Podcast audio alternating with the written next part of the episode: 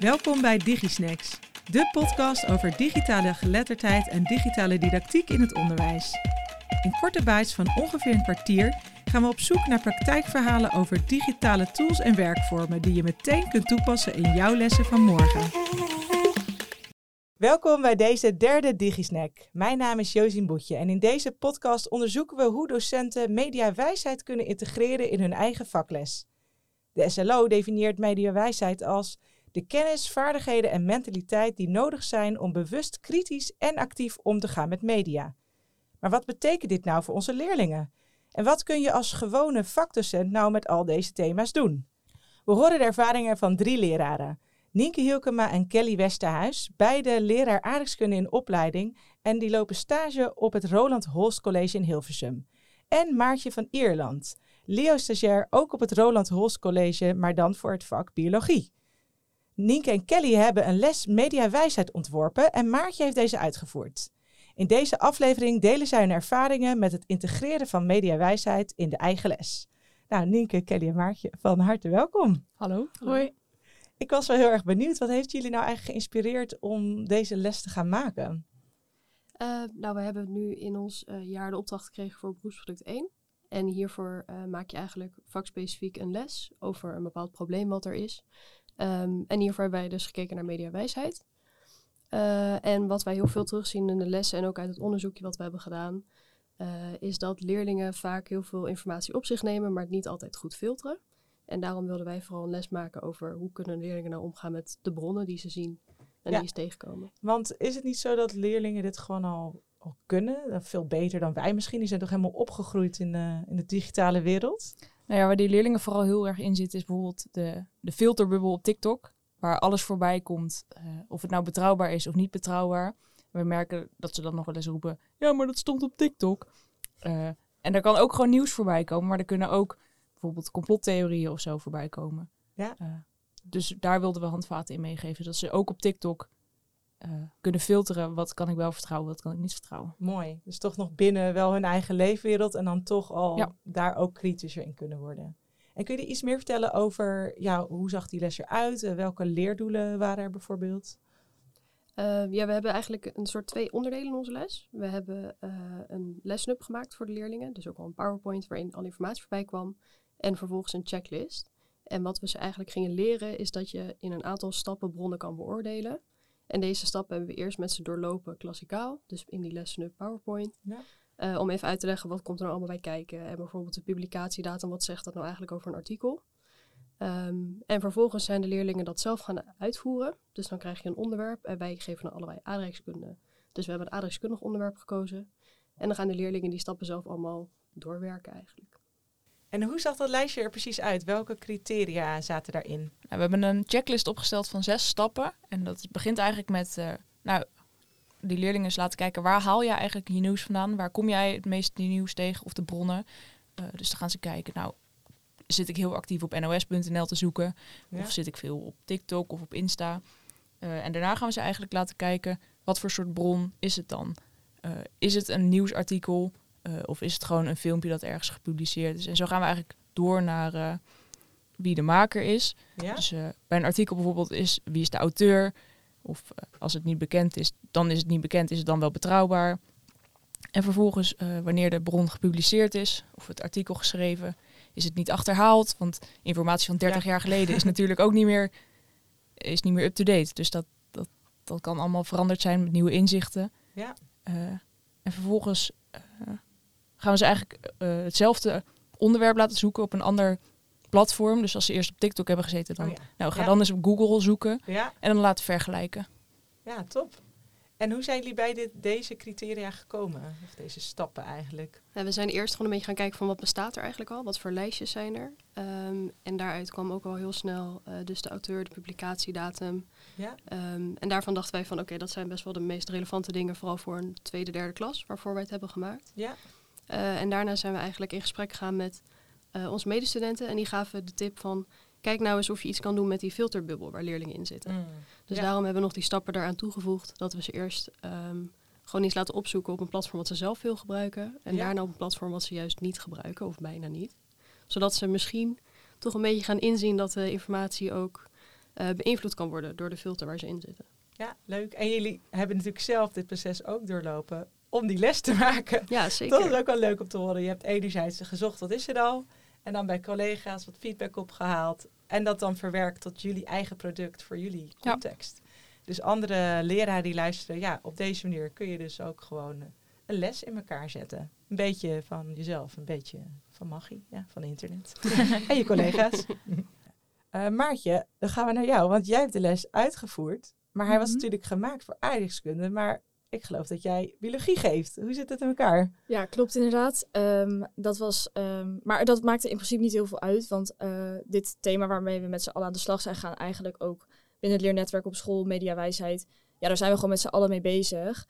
En eh, ik heb de les zelf uitgevoerd in een coaching- en begeleidingsles. Dus ik heb eigenlijk de leerlingen gewoon gevraagd van, eh, oké, waarvoor moeten jullie nu bronnen opzoeken en waarvoor is het voor jullie zelf nuttig? Ja. Ehm, en eh, tegelijkertijd was het voor mij eigenlijk ook super fijn, omdat het gewoon een hele handige manier is om na te gaan of een bron betrouwbaar is. Dus niet alleen voor de leerlingen had het dan zin, maar ook wel voor de docent dat je gewoon een handig handvat hebt, wat je gewoon zo direct kan inzetten. En dat kan dus ook op verschillende onderwerpen. Het hoeft niet per se aardrijkskundig te zijn. Dat kan je echt, nou, kan echt in verschillende Ja, fijn. Dus hij is eigenlijk makkelijk. Je zegt eigenlijk, kan een collega, kan je bij wijze van die les geven en die zou hem eh, kunnen uitvoeren. Ja.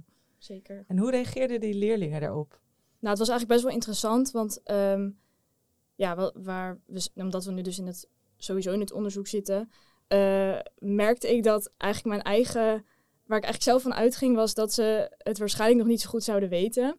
Eh, ik heb de les ook echt uitgevoerd bij ehm, een andere groep, zeg maar dan. Waar, Want hoe oud, welke klas was dit? eh, dit was een tweede klas, tweede klas HAVO-VWO. Maar ik merkte dus dat ze dus ehm, eigenlijk al best goed wisten hoe ze die bronnencheck konden doen. En daardoor raakte ik eigenlijk ook met hun een heel interessant gesprek gewoon over mediawijsheid en over dit soort zaken. Eh, en ik denk dat dat zeker ook interessant is omtrent het onderwerp, omdat het echt super breed is. En ehm, er, er zijn elke dag nieuwe ontwikkelingen omtrent mediawijsheid. Ja. En hè, wat heb jij bijvoorbeeld weer van die leerlingen geleerd? Het was misschien van tevoren hadden we een, een lijstje bedacht, hè, waar kun je op letten. Maar kwamen die leerlingen ook weer met ja, nieuwe dingen? Ja, zeker. Eh, sowieso toen we het hadden over welke bronnen ze dan gebruikten, toen merkte ik dat ik zelf eigenlijk een soort van aanname had dat ze waarschijnlijk TikTok zouden gaan noemen. Maar dat was eigenlijk helemaal niet zo. Eh, en ze noemden ook bronnen die ik niet kende, dus dat was interessant.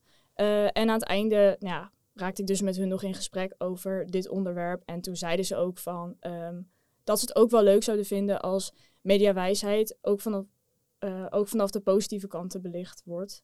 Eh, omdat natuurlijk best wel een groot onderdeel is ja, van de maatschappij op dit moment. Dus het is er nou eenmaal. En we moeten er met z'n allen Ja. kijken.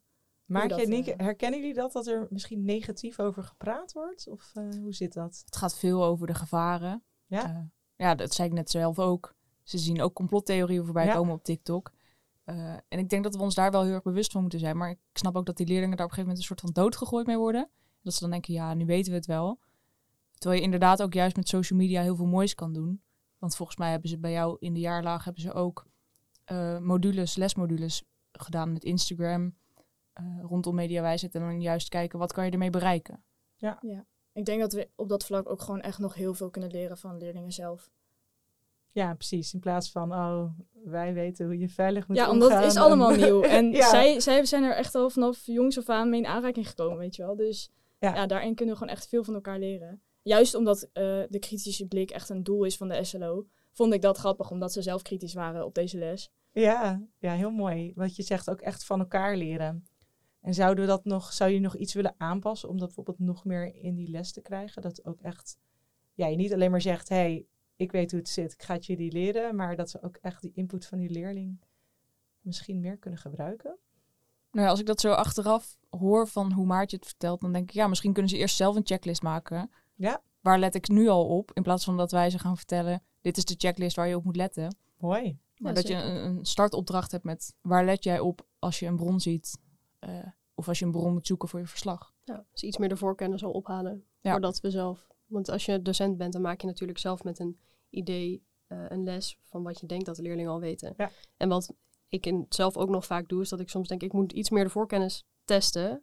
eh, om er nou eigenlijk achter te komen of het wel passend is. Dus dat zou wel een mooie opdracht Ja, zijn. want als ze, als ze slaafs jullie lijstje zouden volgen, dan zijn ze misschien eigenlijk ook helemaal niet kritisch. Dus Ja. super mooi jouw ervaring, Maartje, ook. Dat, eh, ja, dat ze daar ook wel uh, commentaar op hadden misschien. Waren er verder nog uh, uitdagingen bij het uitvoeren van de les? Dingen waar je tegenaan liep? Uh, nou ja, de les heb ik dus uitgevoerd in coaching en begeleiding. En hoe het op de Roland Holst is vormgegeven, is dat de coaching en begeleiding is gewoon een, uh, een uur waarmee alle leerlingen tegelijk starten. Uh, dus dit was een, een les waarbij ze zelf konden kiezen of ze mee wilden doen. Dus ik had ook echt maar heel weinig leerlingen. Ik had maar drie leerlingen in de klas.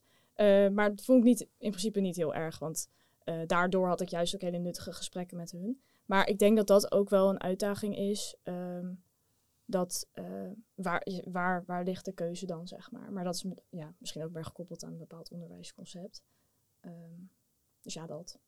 Ja, mooi. Ja, ik ben heel benieuwd. Dus onze luisteraars, als die uh, ook de les kunnen uitproberen in hele groepen, dat zou nog wel heel interessant zijn om te kijken hoe gaat het dan.